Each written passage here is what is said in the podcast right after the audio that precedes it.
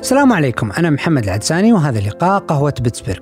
هذه الحلقة راح تخصص لتوثيق حكاية موهبة من البداية من بدايات الاختبارات والمقاييس المقننة لاكتشاف ورعاية موهوبين عن البرامج الإثرائية وأيضا عن المعارض والمسابقات الدولية اللي تشارك فيها موهبة وغيرها وغيرها الكثير. ولكن راح نخصص الجزء الأكبر من هذه الحلقة لتوثيق رحلة المنتخب السعودي المشارك في المعرض الدولي للعلوم والهندسة الشهير آيسف تعتبر مسابقة آيسف أكبر مسابقة علمية للشباب في العالم. فيها 20 مجال علمي مختلف مثل علوم الطاقة، علوم الهندسة، علوم الفضاء، علوم الرياضيات والكيمياء والفيزياء، علوم الذكاء الاصطناعي وأيضا العلوم الإنسانية والعلوم السلوكية. يترشح لهذه المسابقة أكثر من 1700 طالب يعتبرون اليوم من أشهر العلماء في القرن الواحد وعشرين. بعضهم فاز بجوائز نوبل أو جوائز علمية أخرى. لذلك هذه الحلقة موجهة لكل أب ولكل أم يعملون جاهدين لمستقبل أبنائهم وأيضا لكل طالب مجتهد ولكل معلم حريص وأيضا لكل باحث شغوف ولكل إعلامي مسؤول ولكل فرد منا يعمل لتحقيق رؤيتنا جميعا رؤية المملكة 2030 طيب إيش هي موهبة؟ متى بدأت موهبة؟ كيف بدأت؟ إيش دورهم بالضبط؟ لعل أفضل من يجاوبنا على هذا السؤال معالي الدكتور سعود المدحمي الأمين العام لموهبة. مؤسسة الملك عبد العزيز ورجال الموهبة الإبداع هو مشروع رائع نوعي بادرت فيه المملكة العربية السعودية قبل الرؤية بعشرين عام ولذا أتت تطبيق الرؤية المملكة العربية السعودية. أتت الرؤية وكأنها على قدر مع موهبة التي جهزت هذا الوقود الجاهز للانطلاق في مسار الرؤية وتحقيق الرؤية. هؤلاء هم قادة المستقبل.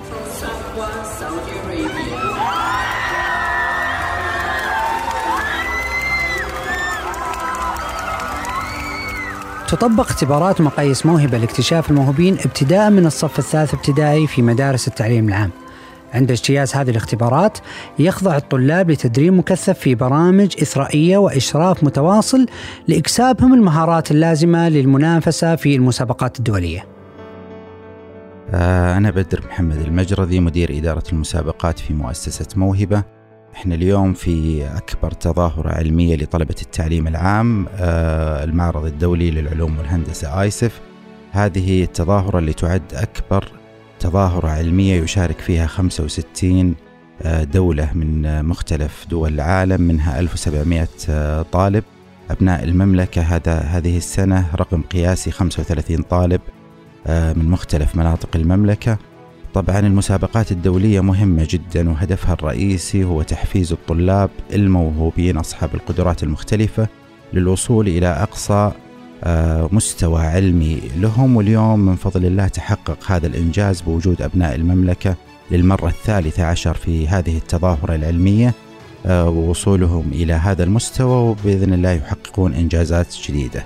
طبعا إحنا في مؤسسة موهبة نشارك في أكثر من 19 أولمبياد دولي في تخصصات الرياضيات والفيزياء والكيمياء والأحياء والمعلوماتية. بالإضافة إلى آه، في مجال البحث العلمي والابتكار المعرض الدولي للعلوم والهندسة ISEF أيضا الطلاب اللي يخرجون من الأولمبياد الوطني للإبداع العلمي يشاركون في عدد من المعارض المختلفة مثل TISF اللي يقام في تايوان سنويا وأيضا آه، تاي آه، ITEX اللي يقام في في ماليزيا. هذه البرامج تقام جميعا بالتعاون مع وزارة التعليم. خلال هذه السنوات الماضية تم تخريج الكثير من الطلاب. لتم إعدادهم في موهبة باستخدام أداة المسابقات الدولية وصلوا فيها إلى مستوى عالي جدا. هذا المستوى العالي ساهم في قبولهم في أكبر الجامعات الدولية في مختلف آه، دول العالم. إحنا اليوم في رؤية المملكة العربية السعودية ومن خلال برنامج تنمية القدرات البشرية اللي يهدف إلى إيجاد طلاب قادرين ليس طلاب إلى جعل الإنسان السعودي قادر على المنافسة الدولية في مختلف المجالات. من خلال هذه المسابقات نستطيع أن نغرس روح التنافس الشريف القوي آه، في المجالات العلمية في أبنائنا وبناتنا واللي من فضل الله تحقق خلال العشر آه، سنوات الماضية من خلال هذه البرامج. في هذه البرامج طبعا يخضع الطالب لعدد ساعات آه، تدريب كبيرة جدا. فمثلا في المسابقات الدولية 19 اللي ذكرتها الطالب يحصل على أكثر من ثلاثة ألاف ساعة تدريبية قبل الوصول لمثل هذه المسابقات الدولية وأيضا في مجال البحث العلمي والابتكار يحصل الطالب على برامج بحثية تصل إلى أكثر من من ثلاثة أسابيع ومن ثم يتم ربطه بمشرفين في مختلف الجامعات والمراكز البحثية. إذا بالتالي إحنا نعد الطالب صاحب القدرات المختلفة ليصل لمستوى استثنائي والنتائج اللي تحققت طوال السنوات الماضية هي دليل على نجاح هذه العملية. معكم أخوكم أنس بن عبد الرحمن الحنيحن مدير إدارة البرامج البحثية وتنمية الابتكار بمؤسسة موهبة وأيضا رئيس اللجنة التنفيذية للأولمبيات الوطني للإبداع العلمي إبداع 2022 اليوم ودي أتحدث عن رحلة الطالب من إبداع ولين وصف وصل لهذه المرحلة المهمة اللي هي المعرض الدولي للعلوم والهندسة آيسف كان آه، في السنوات الماضية عدد الطلبة اللي يصلون إلى المعرض الدولي للعلوم والهندسة لا يتجاوزون أصابع اليد الواحدة ثم زادوا زيادة طفيفة. والآن آه، وصل آه، عدد المقاعد المخصصة للمملكة العربية السعودية في المحفل هذا اللي يعتبر أكبر معرض دولي. في مجال البحث العلمي والابتكار لطلبة التعليم العام وصلت عدد المقاعد لله الحمد هذه السنة إلى 35 مقعد بشكل دائم ولله الحمد والمنة كيف وصلنا إحنا لهذه المرحلة؟ ولله الحمد والمنة حرصت موهبة على تكوين منظومة متكاملة تعزز الطالب الموهوب والمبدع في مجال البحث العلمي والابتكار بداية حرصنا على تنوع البرامج البحثية الذي نقيمها بالتعاون الذي نتشرف ونسعد به مع أبرز وأفضل الجامعات والمراكز الأبحاث السعودية. فالعام الماضي ولله الحمد لله أقيم قرابة التسع البرامج بالإضافة إلى أيضا برنامج آه، لأول مرة أو تكرار للتجربة الناجحة اللي أقيمت آه، أيام الجائحة اللي هو البرنامج الموهبة الحاسوبي في العلوم.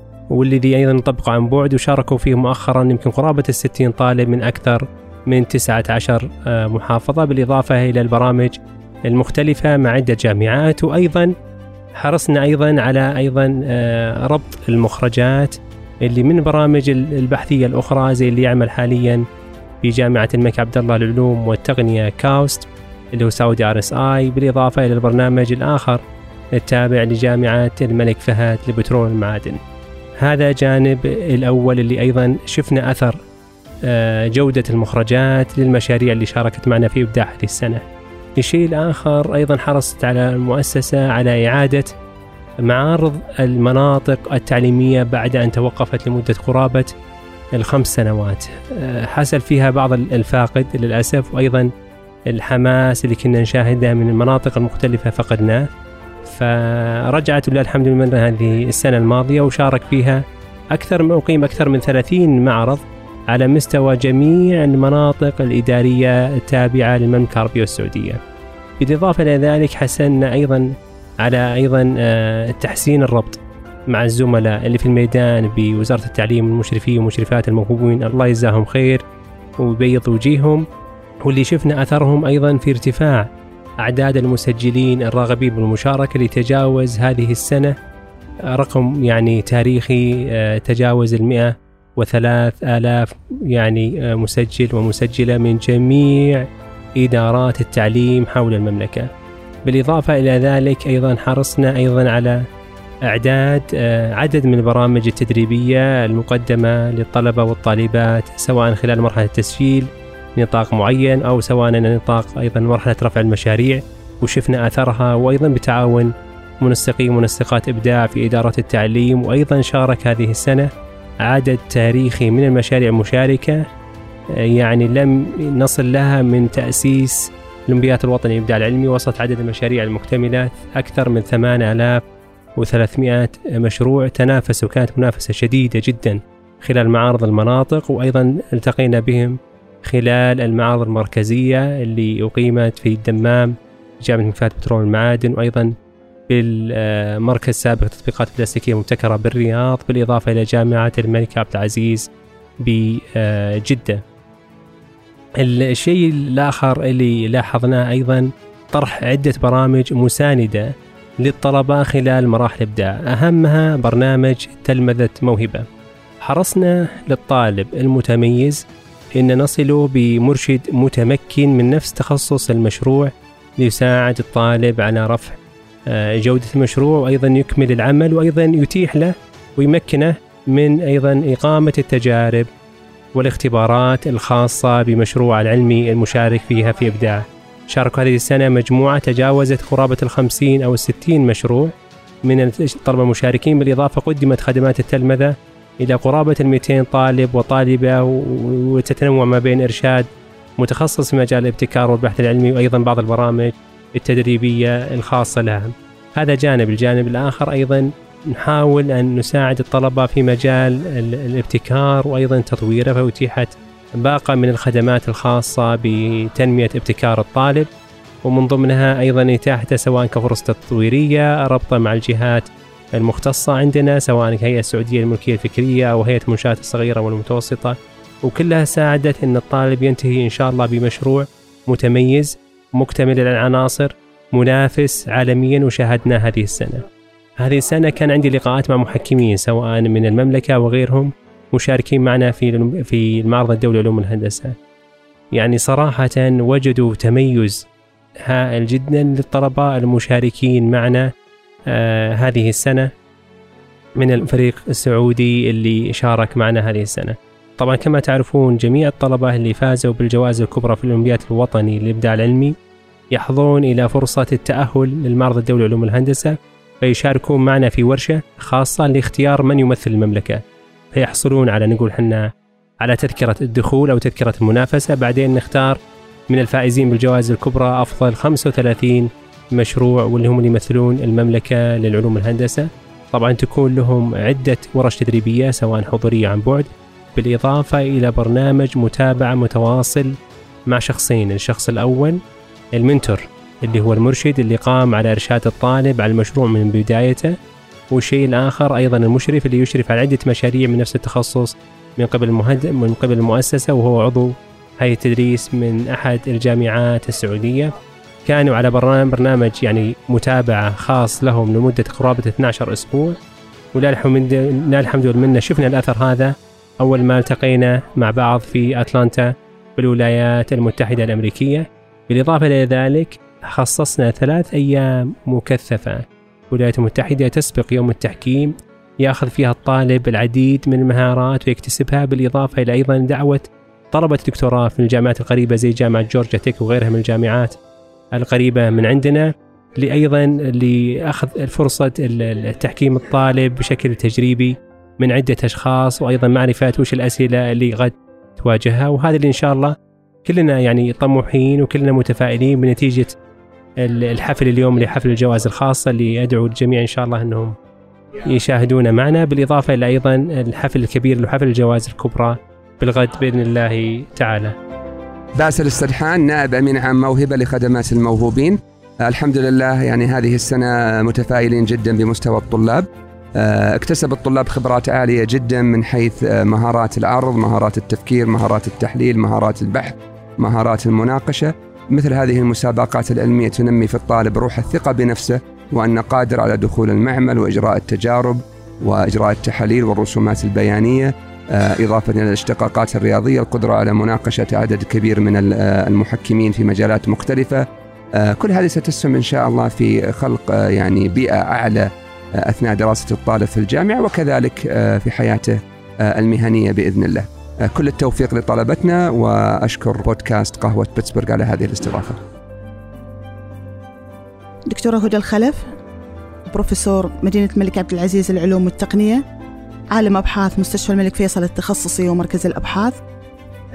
دوري في موهبة الإشراف على مشاريع الطلاب المشاركين في المنتخب السعودي في الأولمبياد العالمي إنتل آيسف آه، بجورجيا هذا السنة 2022 تم تقديم الدعم آه، العلمي للطلاب على مهارات مختلفة من حيث آه، تحضير الملصق العلمي طريقة التقديم طريقة نقاش الطالب مع المحكم. وكذلك تم تحكيم الطلاب مع مجموعة كبيرة بنفس المجال والمشاركين من دول مختلفة. ولله الحمد لمسنا تقدم علمي واضح للطلاب السعوديين مقارنة بالدول الأخرى والتي بإذن الله يضمن لهم الفوز والحصول على الجوائز الكبرى. ونتمنى لجميع الطلبة الفوز والنجاح بإذن الله ونبارك للوطن مسبقا بهذا التقدم العلمي الكبير. وصول المتسابقين إلى مرحلة متقدمة في مسابقات دولية ما كان محض صدفة. خلونا نسمع من الآباء والأمهات وش يقولون. أعرفكم بنفسي أنا أخوكم الدكتور عبد الله بن سعود المعيقل. كنت أستاذا في جامعة الإمام ورئيسا لقسم التربية سابقا ثم عرت إلى عدد من الجهات الحكومية. كان آخرها العمل وكيلا لوزارة الشؤون الاجتماعية ثم وكيلا لوزارة العمل والتنمية الاجتماعية وأخذت تقاعد مبكر منذ عدة سنوات.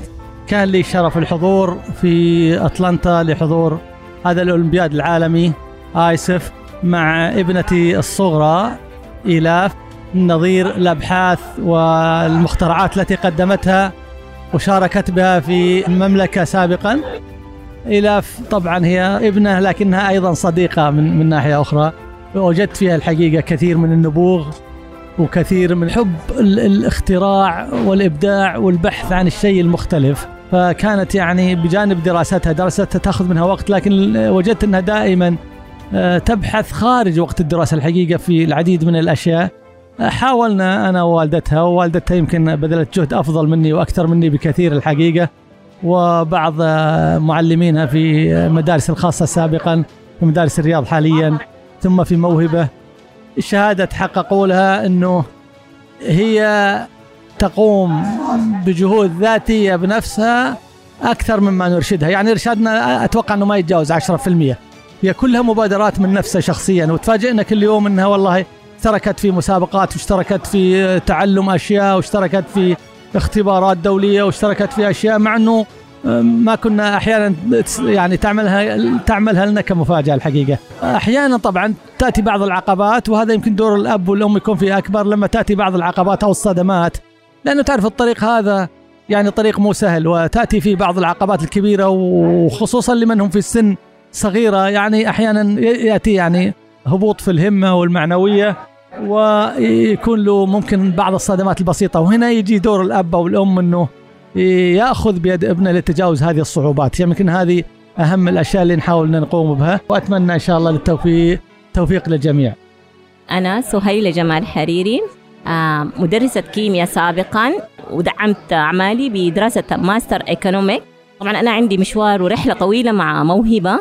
قرأت عنها كده في مقطع فبعد كده سجلت بنتي الكبيرة من قبل يمكن 11 سنة رهف العسيري. وبعد كده ما شاء الله كمان ولدي الثاني مهند العسيري ودرس مع موهبة. والآن بنتي أصغر بناتي والحمد لله هذه رسالة مع موهبة. أنا يعني ورحلة رحلة طويلة مع موهبة أنجزنا فيها كثير هم اشتغلوا كثير وأنا اشتغلت من البيت مع أولادي كثير. فالحين ما شاء الله رها رغد مترشحة لآيسف درست طبعا تقريبا تسع سنين أو عشر سنين مع موهبة من مرحلة ابتدائية. والآن يعني طالعين مسابقة آيسف طبعا تخصصها هندسة ميكانيكية للطاقة. ويا رب يا رب نرجو لها أنها تاخذ ميدالية وتمثل السعودية وإن شاء الله يكون شرف لنا كلنا يا رب. قبل لا نسمع من بعض الطلاب بيتكلمون عن مشاريعهم البحثية وابتكاراتهم وأهميتها لتغيير حياة البشر في المستقبل. خلونا نسمع من معالي الأمين الدكتور سعود المتحمي وش يقول عن طلاب وطالبات موهبة. هؤلاء هم الذين يخلقون فرص العمل لا يبحثون عن فرص عمل. هؤلاء هم الذين ينتجون التقنيات لا يستهلكون التقنيات. هؤلاء هم الذين لا يوجد عندهم صندوق علشان يفك الداخل أو خارج الصندوق. هو حدوده السماء. معكم عبد الله بن عبد العزيز الغامدي من إدارة تعليم المنطقة الشرقية في مدارس الحصان الأهلية بالدمام في الصف الثالث ثانوي. آه، وأشارك في مجال الطاقة اللي ترعاه مؤسسة الملك عبد العزيز ورجال الموهبة والإبداع موهبة. آه، بمشروعي اللي يخص إنتاج مادة يمكن استخدامها في إنتاج وتخزين الهيدروجين. كوقود نظيف منخفض التكلفة وعالي الكفاءة والاستقرار. آه اليوم كان اليوم الرابع أو الخامس في أو السادس حتى في رحلتنا آه في أتلانتا. آه كان اليوم الأول عبارة عن يوم نزلنا فيه للمدينة نفسها. آه وصلنا المدينة. اليوم الثاني كان بدينا من اليوم الثاني مباشرة للتدريب. آه اليوم الثالث برضو كان للتدريب والرابع كان للتدريب. واليوم الرابع برضو كان في جلسة تحكيم آه خاصة. آه لعدة طلبة حكموا من شركة خاصة قررت أن يكون تحكيمها أونلاين وكنت أنا أحدهم. وحكمت من شركة آم، اترانتيكا foundation إذا ما كنت غلطان واللي تهتم بال sustainability الاستدامة وحلول والحلول التعليمية اللي تغذي مجال الاستدامة. واليوم الخامس عاد كان عندنا التحكيم الجوائز الكبرى. آه على 18 جولة مر علي خلالها خمس محكمين للجوائز الكبرى ومحكم يسمونه كوتشير آه أو نائب رئيس الجلسة أو رئيس المجال اللي هو في آه، حالتي مجال الطاقة. بداية التجربة كانت تجربة ثرية جدا جدا. يعني بديت في البحث العلمي بشكل خاص في 2019 آه، حصلت خلالها على عدة من عدة جوائز آه، خاصة ومحلية وإن شاء الله مع هذه المرة دولية. كان آخرها حصولي على المركز الأول في الأولمبياد الوطني الابداع العلمي. آه، إبداع في 2022 في مشروعي نفسه اللي أشارك فيه الآن في أتلانتا جورجيا. دعواتكم لنا بالتوفيق والله ييسر ويكتب في خير. واوجه شكري الجزيل والدائم آه، لمؤسسة الملك عبد العزيز ورجاله الموهبة والابداع موهبة اللي ما قصرت والله من من سنين يعني. آه هذه السنة التاسعه لي مع موهبة. خلال تسع سنين شاركت في ما يتجاوز 27 برنامج رتبتها ونظمتها. وتحملت حتى جزء من تكاليفها مؤسسه الملك عبد العزيز موهبة. والآن يتحملوا جزء من تدريبنا وتجهيزنا للمشاركة في المعرض الختامي الايسف فدعواتكم لنا بالتوفيق. والله ييسر لنا وييسر لكم ويكتب في خير. أهلا أنا رفاء جنش من جدة. أنا ممثل الفريق السعودي الحمد لله في مسابقة آيسف. مشروعي يتكلم عن استخدام الهيدروجين في محرك الاحتراق الذاتي لأمل لوقود نظيف بكفاءة عالية. الهدف كمان من المشروع أنه إحنا نساعد ال- الباحثين الجدد في أنهم يستعملوا بياناتنا اللي إحنا طلعناها عشان يسهلوا أبحاثهم وتكون وتكون تكلفة أبحاثهم ما هي غالية. الصراحة كل شيء مرة كان ممتع. يعني فكرة إنه أنا أكون ممثل للفريق السعودي يشعرني مرة بالفخر وإنه هذا جزء من وظيفتنا إحنا الشباب إنه نرد جميل المملكة علينا. أنا الطالب عبد الله الحمدات أحد الطلاب الممثلين المملكة في معرض آيسف الدولي آه، 2022 بحثي هو عبارة عن محفز كهروضوئي يستخدم لفصل الموية آه، إلى هيدروجين وأكسجين. بعدين نقدر نستخدم هذا الهيدروجين نحرقه ويطلع لنا انرجي يطلع لنا طاقة أو ممكن نخزنه ونستخدمه في وقت لاحق. آه، بحثي ممكن يستخدم في عدة أماكن.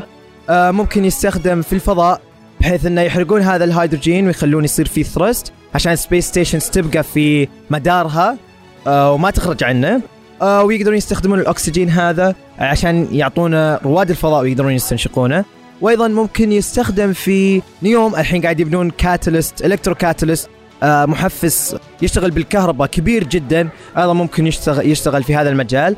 وأيضا آه، أحد تطبيقاتها إنه يشتغل مع renewable energy source مصدر طاقة نظيف زي ال solar panel آه، الخلايا الشمسية أو أو طاقة الرياح عشان يقلل تكلفة آه، الكهرباء الناتجة وأيضا يمديك تأخذ منه هيدروجين بتكلفة أقل. أهلا وسهلا أنا رغد العسيري من جدة. بحثي في مجال الهندسة الميكانيكية. صممنا تصميم مبتكر لآلة احتراق يدرس استقرار اللهب لوقود هيدروجين وأمونيا. آه متأملين أنه يكون بديل صديق للبيئة للوقود المستعمل حاليا.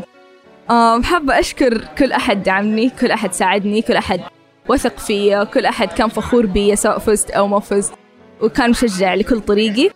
وموهبة جامعة الملك عبد الله وطبعا أهلي وعائلتي كلها.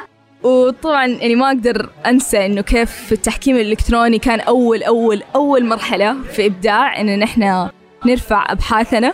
كان مو راضي يترفع البحث لأنه عدى الديدلاين وعلق معي الموقع وصارت آه مشاكل تقنية.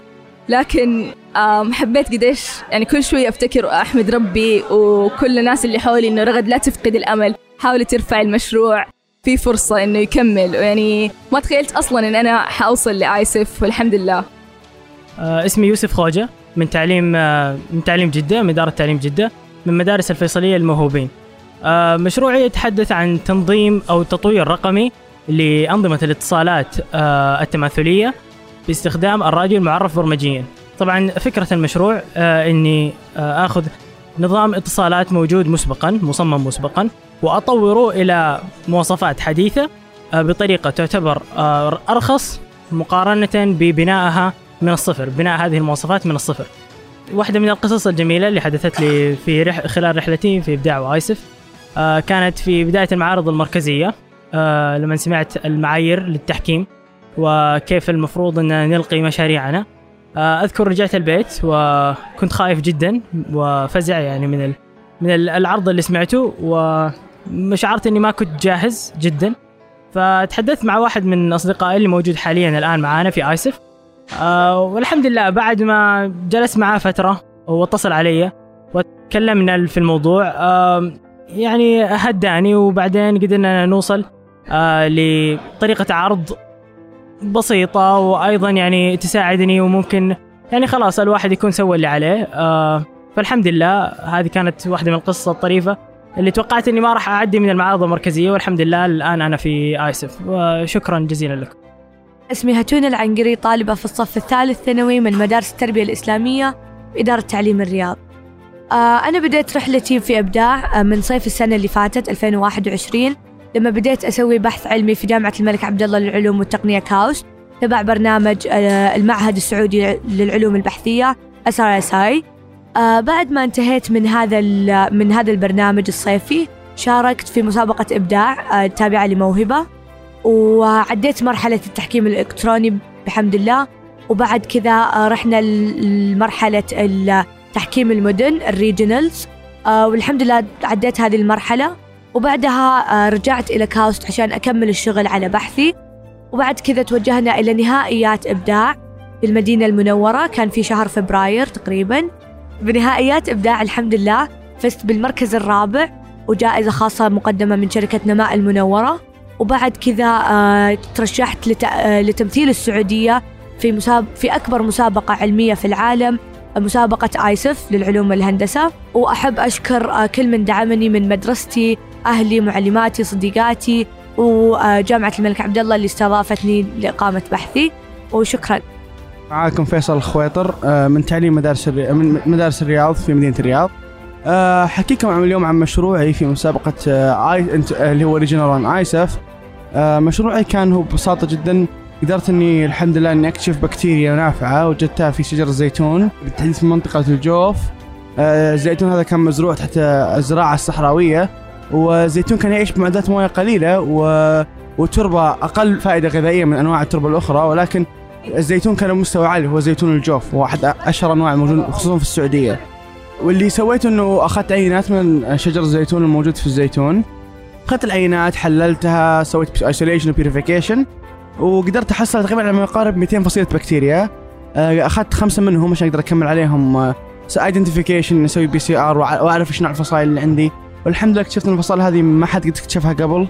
أه وأيضا قست تحديات بكتيريا تحديات تحديات كثيرة من مختلفة آه، معدلات ملوحة وجفاف مختلفة درجة حرارة تصل ل 55 درجة مئوية وعوامل كثيرة مثل مساعدة النبات سواء بإنتاج الهرمونات المفيدة أو تحليل المعادن اللي موجودة في التربة أو حتى حماية من الأمراض والفطريات السامة. وأيضا قدرت بالله الحمد أني آه، أنقل البكتيريا هذه لنبات القمح. وأسوي سيميليشن للقمح نقطع عنه الموية أسبوع كامل. واكتشفت لله الحمد ان البكتيريا هذه قدرت تساعد القمح يعيش بدون في الأسبوع هذا بدون موية. ويصل معدل نموها 96% مقارنة بالفصائل بالفصيلة أو القمح اللي ما كان عليه فصائل البكتيريا هذه. فهذه كانت مشروعي. قدرت أسوي لها الحمد في جامعة الملك عبد الله علوم التقنية كاوس. آه، قصتي مشاركتي مسابقه إبداع اللي اهلتني الايسف كان كانت قصة طويلة صراحة. آه، رفعت بعد ما رفعت مشروعي وتقدمت التحكيم الالكتروني اظن قدم ما يقارب مئة ألف شخص و8000 مشروع في جميع التخصصات. واختاروا 300 منهم عشان يشاركوا في المعارض المركزية اللي هي في مدن الرياض الشرقية وجدة. للأسف اسمي ما طلع فقفلت الشابتر هذا من حياتي. أه لكن استغربت إنه أول مرة في حياتي ما ما كنت غضبان عن نفسي. قلت الحمد لله مكتوبة لي. فكملت رجعت أشتغل على شغلي. ولكن قبل المعرض ثلاث أيام جاني اتصال جميل جدا من أه احد أحد أعضاء لجنة التحكيم ولجنة في إبداع. قال لي صار في خطأ بسيط وقررنا نختار مشروعك مرة أخرى. لو عندك لوحة جاهزة تقدر تقدم. يعني كنت طبعا مجهز اللوحة حقتي على أساس إني خلاص بتأهل ولكن ربي ما كتبه ولكن ربك ما يضيع جهد آه، أي شخص يتعب. فالحمد لله قدرت إني أتأهل المعرض المركزي ثم المعرض الكبير كان اللي كان في المدينة المنوره بعدين لا الحمد قدرت أفوز بجائزة كبرى هناك ووصلنا اللي إحنا وصلنا فيه. الآن المنطقة اللي أكلمكم فيها في وسط غابات جورجيا في الولايات المتحدة الأمريكية. و يعني خلصنا تحكيمنا أمس وإن شاء الله واثقين نشوف, مراكزنا. ما أدري إذا ال- الكلام اللي أقوله حتسمعونه قبل ولا بعد ما تطلع نتيجتي. ولكن إن شاء الله نأمل بالله نكون فايزين آه، بجائزة حلوة نرفع فيها وطننا واسمنا ووطننا ككل. شكرا. آه، السلام عليكم. اسمي فاضل يونس من إدارة التعليم بالمنطقة الشرقية.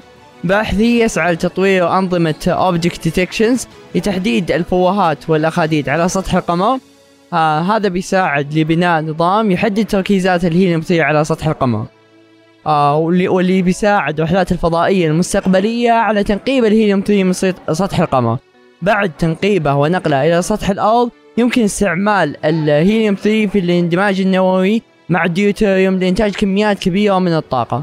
طبعا في آه، بداية آه، الصيف 2021 آه، لم يكن لدي أي خلفية في المجال البحثي. مع برامج موهبة وتحديدا برنامج الإثراء البحثي آه، قدم لي المهارات اللي أحتاجها لأبدأ في هذا المجال إضافة إلى الخبرات آه، في مجال الذكاء الاصطناعي. فمن هذا المنطلق بدأت آه، فكرة مشروعي الذي وصلت فيه إلى آيسف الحمد لله. ففي البداية شاركت في آه، الفكرة من ثم التحكيم الإلكتروني. بعدها المعارض المركزية طورت مشروعي أكثر فأكثر. تدربت على مهارات العرض والإلقاء. وبعدها تم ترشيح 150 طالب للمعرض النهائي في المدينة المنورة. التقيت بنخبة الطلاب من حول المملكة. شاركنا خبراتنا وتطورت مشاريعنا أكثر آه، بكثير من المعارض المركزية. آه، بعد ذلك آه، تم اختيار 40 فائز وعقد ور- الورشة التأهيلية الآيسف منها تم اختيار 35 طالب للمشا... لتمثيل المملكة العربية السعودية في آيسف خلال الفترة من شهر فبراير إلى مايو آه عملنا بشكل مكثف على تطوير مشاريعنا لتتلائم مع المخرجات المطلوبة للمشاركة بآيسف وعند وصولنا لأتلانتا آه قامت موهبة بتقديم ورش تدريبية مكثفة لتدريبنا على آه مهارات الإلقاء وتطوير عملية عرض مشروعنا. وشكرا.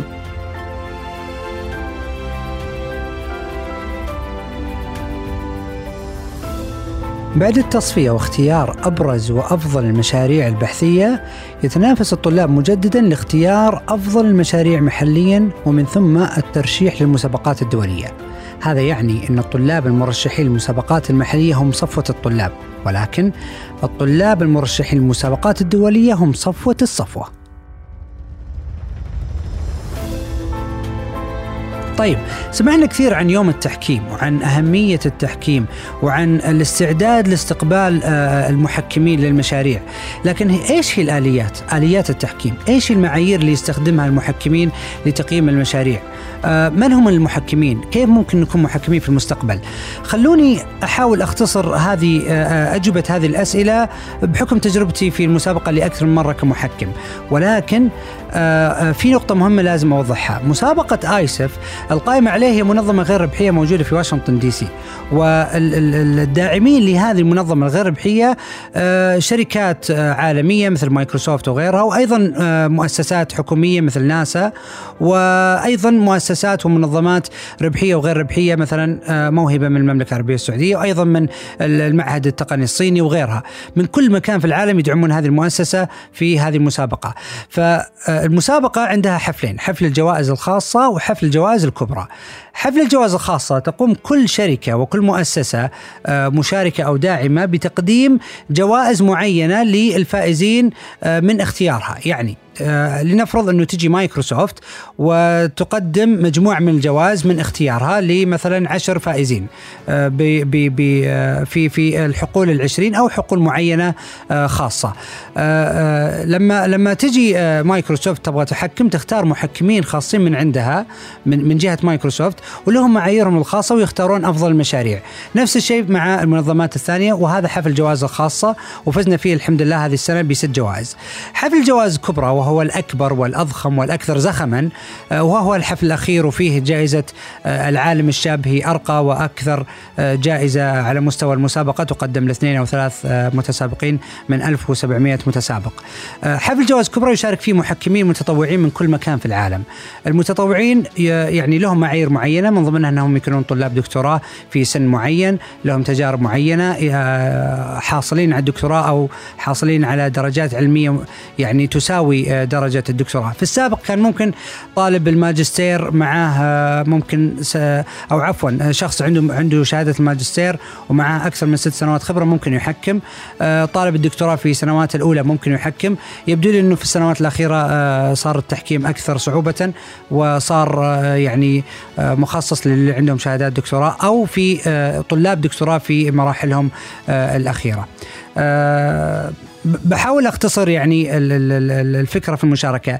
في يوم ال- ال- التحكيم أنا أنا وجدت بدون مبالغة آه، يمكن خمسة أو ستة يعني سعوديين مشاركين كمحكمين. بعضهم طلاب دكتوراه موجودين في أمريكا وبعضهم أعضاء هي- هيئات تدريس في الجامعات السعودية.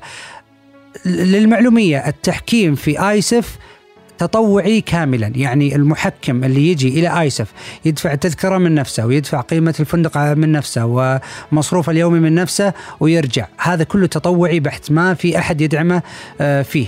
آه، لذلك آه، يعني أنا أشكر جدا السعوديين اللي اللي قدموا من المملكة فقط للتحكيم في هذه المسابقة المرموقة. طيب كيف ممكن نسجل كمحكمين التسجيل كل سنة آيسف تعلن عن الحاجة إلى المتطوعين في آه، آه، المسابقة كمحكمين في الجوائز الكبرى. إحنا قلنا الجوائز الخاصة الآن آه، كل شركة أو مؤسسة تختار محكمين الخاصين. في الجوائز الكبرى المجال مفتوح للجميع في ابلكيشن يقوم ال- ال- الراغب في التحكيم بالتسجيل فيه وبعد أيام يتم الرد عليه بالموافقة من عدمه. ومن حسن الحظ أنه من بعد يعني 2021 وكو يعني كوفيد 2021 2022 صار في تحكيم عن بعد فصار بإمكان الباحثين اللي ما يستطيعون أنهم يتكفلون آه، بنفقات السفر أنهم يحكمون فيرتشوالي ويشاركون في هذه المسابقة. آه، معايير التحكيم كثيرة وصعب حصرها لكن أقدر أختصرها في أهمية البحث التعريف بالبحث أدوات البحث آه، مدى جودة ال- ال- ال- البيانات وأيضا مدى الكرياتيفيتي أو الإبداع في الفكرة البحثية أو في الابتكار المقدم من من من الطالب. كل معيار من هذه المعايير لها درجات معينة لها تقديم وأيضا من أهم المعايير هي طريقة التقديم وطريقة نقاش المحكم آه، على ال- ال- ال- ال- المشروع. آه، لذلك آه، يعني يتم تقييم كل مشروع بحسب عدد المحكمين الموجودين. أتكلم مثلا في مجال العلوم السلوكية والإنسانية. بحكم تجربتي كان عدد المشاريع قرابة آه، 70 آه، مشروع. في بعض المشاريع تت- تتجاوز المئة وبعضها تتجاوز ال 160 آه، عدد المحكمين المشاركين في في في في هذا المجال قرابة العشرين.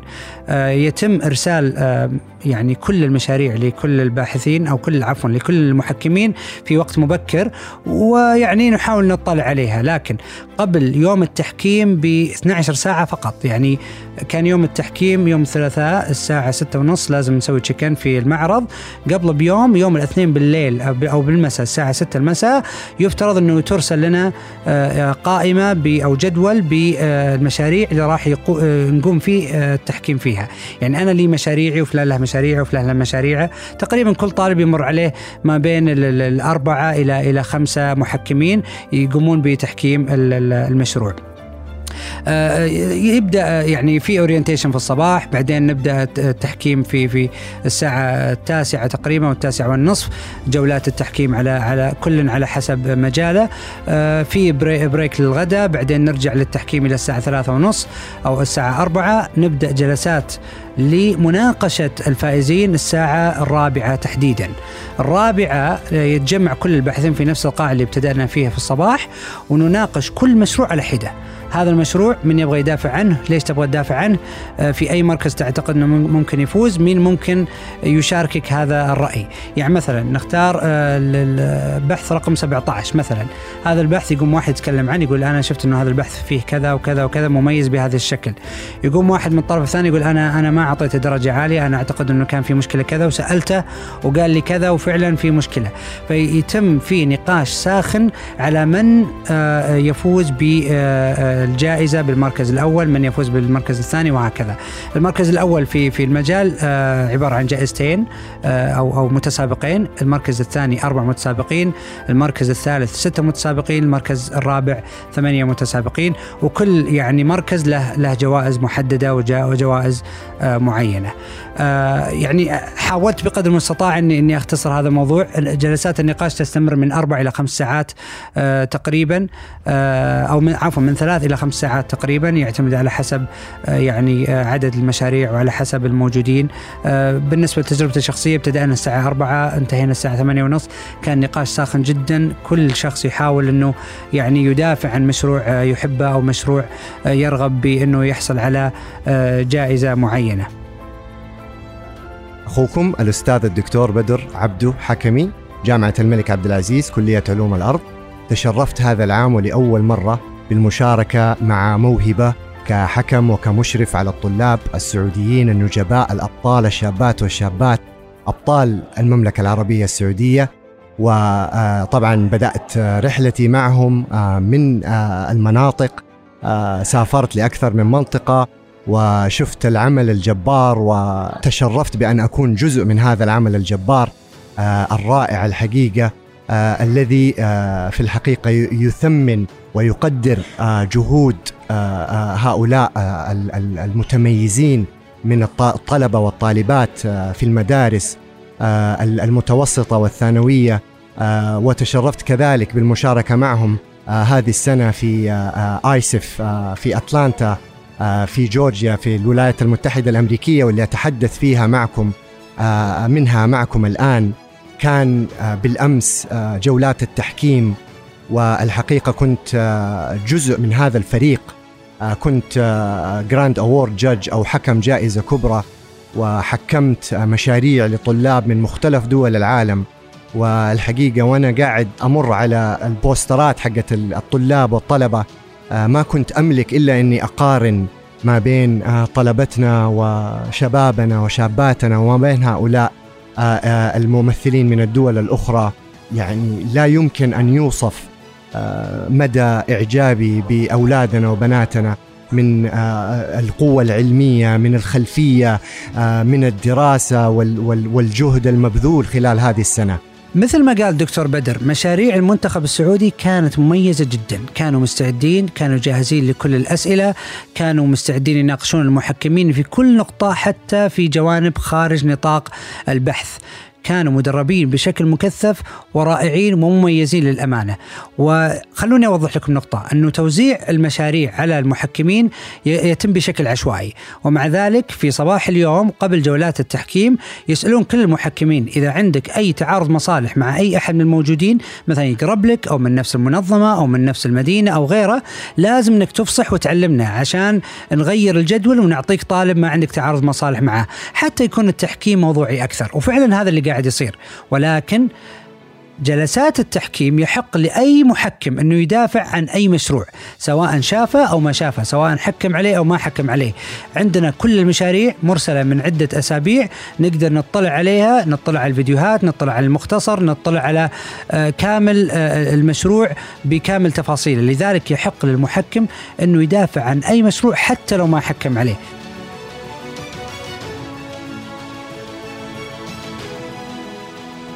وفد موهبة القادم المملكة بما فيهم المتسابقين وأولياء الأمور والإداريين والمشرفين تجاوز الثمانين شخص. لكن حتى الطلاب السعوديين الموجودين في أمريكا لما سمعوا بقصة موهبة قدموا للمشاركة تطوعا مع المسابقة. بل حتى طلاب موهبة السابقين سافروا من ولايات مختلفة للتطوع مع الوفد السعودي. حسن المخرج طالب دكتوراه في تخصص العلوم السياسية ومتطوع والرئيس التنفيذي لمنظمة السعوديون في أمريكا. مشاركتنا مع موهبة كانت بالتنسيق مع الوفد قبل قدومهم. كذلك عدد من المتطوعين في مدينة أتلانتا من المنظمة السعوديين في أمريكا قاموا بجهد كبير للأمانة بالتنسيق للوافد من ناحية المتطوعين المشاركة في تركيب البوث للمعرض وكذلك الاستقبال وكثير من الأنشطة اللي قاموا فيها وفد موهبة مع الطلاب. نور الحربي طالبة دكتوراه في جامعة إيموري تخصص قانون التخصص آه، الدقيق ملكية فكرية. آه، طبعا أنا منسقة آه، فريق التطوع في منظمة سعوديون في أمريكا. تواصل معنا تواصلوا معنا مركز موهبة قبل فترة وطلبوا منا مساعدة بخصوص بعض التنظيمات وكذا. فكانت الحمد لله لنا فرصة في تكوين فريق مكون. من عدد من الطلاب من جامعات متنوعة في أتلانتا مثل جامعة Georgia Tech Georgia State University و Emory University. طبعا كونا فريق تقريبا من 13 آه، متطوع هنا في أتلانتا. وكان لنا الحمد لله يعني فرصة فرصة أن نساعدهم من أول يوم من استقبالهم في المطار إلى إلى المشاركة أيضا في جناح موهبة على مدى ثلاث أيام. وأيضا المشاركة في ورش التدريب خاصة طلاب الدكتوراه. كانوا حاضرين مع مع مع الطلاب يعطونهم من آرائهم. وكانوا أيضا أصلا الطلاب متنوعين في تخصصات متنوعة مثل computer science engineering وغيره. آه وبعضهم كانوا أيضا آه مشاركين كمتطوعين في ISEF على الجهة الأخرى. آه طبعا وإلى اليوم أيضا كان لنا فرصة التطوع آه، وخدمتهم وتنظيم اليوم المفتوح لهم. معكم رنا الحارثي خريجة ماجستير من جامعة Georgia State University تخصص لغويات تطبيقية. إحنا متطوعين في منظمة سعوديين في أمريكا. الفريق فيه عدد من الطلاب من مختلف الجامعات ومهام التطوع تراوحت ما بين التنظيم ما بين استقبال الوفد بالمطار والمشاركة في جناح موهبة وتدريب المشاركين أيضا. كان لنا الشرف في أننا نكون جزء من هذه الرحلة الجميلة وكل التوفيق للمشاركين والمشاركات في المسابقة. وقبل أن أختم مع نصيحة عراب الموهوبين في المملكة والدنا الغالي معالي الدكتور سعود المتحمي الذي أصر على إخراج هذه الحكاية في الوقت المناسب. شكرا لكل من ساهم في حكاية هذه القصة. شكرا للأبطال خلف الكواليس. شكرا للفريق الإعلامي العظيم الذي عمل ليلا ونهارا لتوثيق هذا الحدث. حتى أولئك ممن لم يسعهم القدوم لأمريكا الشكر لا يوفيكم حقكم. أيضا المبدعين في شبكة مايكس البودكاست ممن عمل على إنتاج هذا العمل في الوقت المناسب. شكرا لكم. وللمتطوعين السعوديين القادمين من ولايات مختلفة ومن أتلانتا والمتطوعين من منظمة سعوديين في أمريكا ولجميع الحكام ولكل من شارك في رواية هذه الحكاية. الحمد لله فاز المنتخب السعودي بأرقام قياسية هذه السنة. ست جوائز خاصة 16 جائزة كبرى بما فيها الجائزة الأكبر والأعظم جائزة الشاب العالم فاز فيها عبد الله الغامدي من تعليم الشرقية. هذا النجاح لم يكن بمحض الصدفة بل هو نتيجة عمل مؤسسي دؤوب في موهبة بالتعاون مع الأسر والجهات ذات العلاقة ومؤسسات التعليم والجامعات ومراكز الأبحاث وبدعم سخي من الشركات الوطنية وعلى رأسها سابك وأرامكو. شكرا لاستماعكم. الموهبة هي مثل الجوهرة ولا يظهر بريقها إلا لما تكون لامعة. إذا لم يتم الاكتشاف هذه المواهب فهي مثل الجوهرة التي مدفونة في التراب. عندما تكتشفها تبرزها من التراب يظهر بريق هذه المواهب. أنا أطالب كل طالب وكل إنسان ما هو بس فقط الطالب كل إنسان ثلاث عناصر إذا عرف أنها موجودة فيه أو في ابنه أو في أحد يعرفه شيء يحبه. شيء يحس أنه مهم شيء يعطيه من الوقت والجهد. بغير حساب إذا هذه هي موهبته. يعزز العمل فيها يضحي من أجلها يترك أي شيء آخر ويركز عليها لأن هي التي لا يتنافس مع غيره إلا من خلالها وفيها وتحقق شغفه بل أنها مدخل لسعادة الإنسان. الإنسان عندما يكتشف موهبته ويمارس العمل فيها فإنه تلقائيا يتحول إلى شخص سعيد سعيد. وتغمره السعادة. سوف يكون الإنسان متفائل سوف يكون متفتح. هذا الذي ألمسه مع كل الذين تعاملنا معهم من الطلاب ومن غير الطلاب. نحن نتعامل مع أعضاء هيئة التدريس. وهم يأتون متطوعين ويعملون مع الطلاب لأنه يعرف قيمة الشغف وقيمة هذا الاكتشاف وقيمة دعم مثل هذه المواهب. لأنها صراحة هي إذا لم تستثمر في الوقت المناسب فإنها سوف تتحول إلى مادة خطرة بل هدر نوعي في رأس المال البشري في أي بلد وفي أي مكان في الإنسان ودائما الموهوب ودائما الإنسان المبدع لا يفكر في بيته لا يفكر في مجتمعه بل يفكر للإنسانية. دائما يخدم ويقدم حلول على مستوى الإنسانية هو إنسان أو إنسانة عالمي. فتوكل على الله. أناشد كل من تنطبق فيه هذه الصفات أن يتوكل على الله وينمي موهبته ويستمر فيها لأنها سوف تخلق هذاك الإنسان القوي الذي يعتز بشخصيته ويعيش حياة سعيدة هنية وناجح.